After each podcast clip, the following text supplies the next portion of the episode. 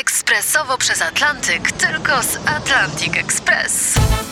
Z nami wyślesz co chcesz, kiedy chcesz, do kogo chcesz i to o 40% taniej. W Atlantic Express wysyłamy wszystko. 1 800 775 7363. Mienie przesiedleńcze, kontenery, paczki do Europy. Atlantic Express o 40% niższe ceny na wysyłki kontenerów, samochodów i paczek. Ekspresowo przez Atlantyk tylko z Atlantic Express. Mało kto dziś pamięta. Datownik historyczny prezentuje Maciej Korkuć. Mało kto dziś pamięta, że 6 września 1940 roku zakończył swoje panowanie król Rumunii Karol II Hohenzollern Sigmarinen, syn Niemca, króla Ferdynanda i Angielki Marii Coburg, wnuczki królowej Wiktorii. Szybko zyskał sławę prawdziwego playboya, który wyżej ceni miłość, chociaż niekoniecznie trwałą, niż splendor dworu i królewskie zaszczyty. Ponoć zamierzano go jako następcę tronu wyswatać z rosyjską wielką księżną Olgą, córką cara Mikołaja II.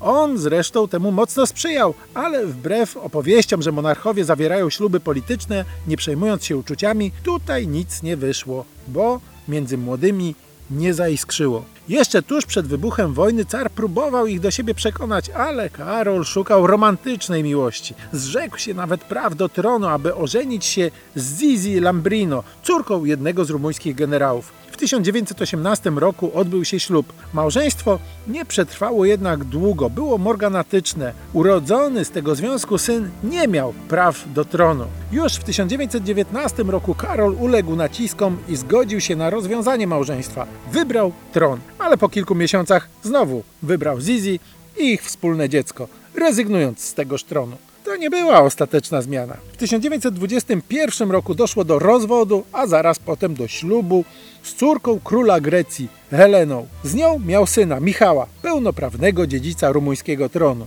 Trzy lata później zakochał się w Żydówce Magdzie Lupesku i znowu zrzekł się praw do tronu i zamieszkał z nią wyrzucony formalnie z rodziny królewskiej. Uzyskał rozwód z Heleną, zamieszkał z Magdą Paryżu, a potem miał również syna i córkę z kochanką Marią Martini. Nagle po śmierci ojca w 1930 roku wrócił i objął tron Rumunii. O jego polityce dużo by można było mówić. To temat nieoddzielny felieton. W 1938 roku Karol dokonał zamachu stanu, wprowadził rządy autorytarne. Pilnował przy tym przyjaznych relacji z Polską i sojusznikami z Zachodu, ale upadek Polski w 1939 roku wszystko zmienił.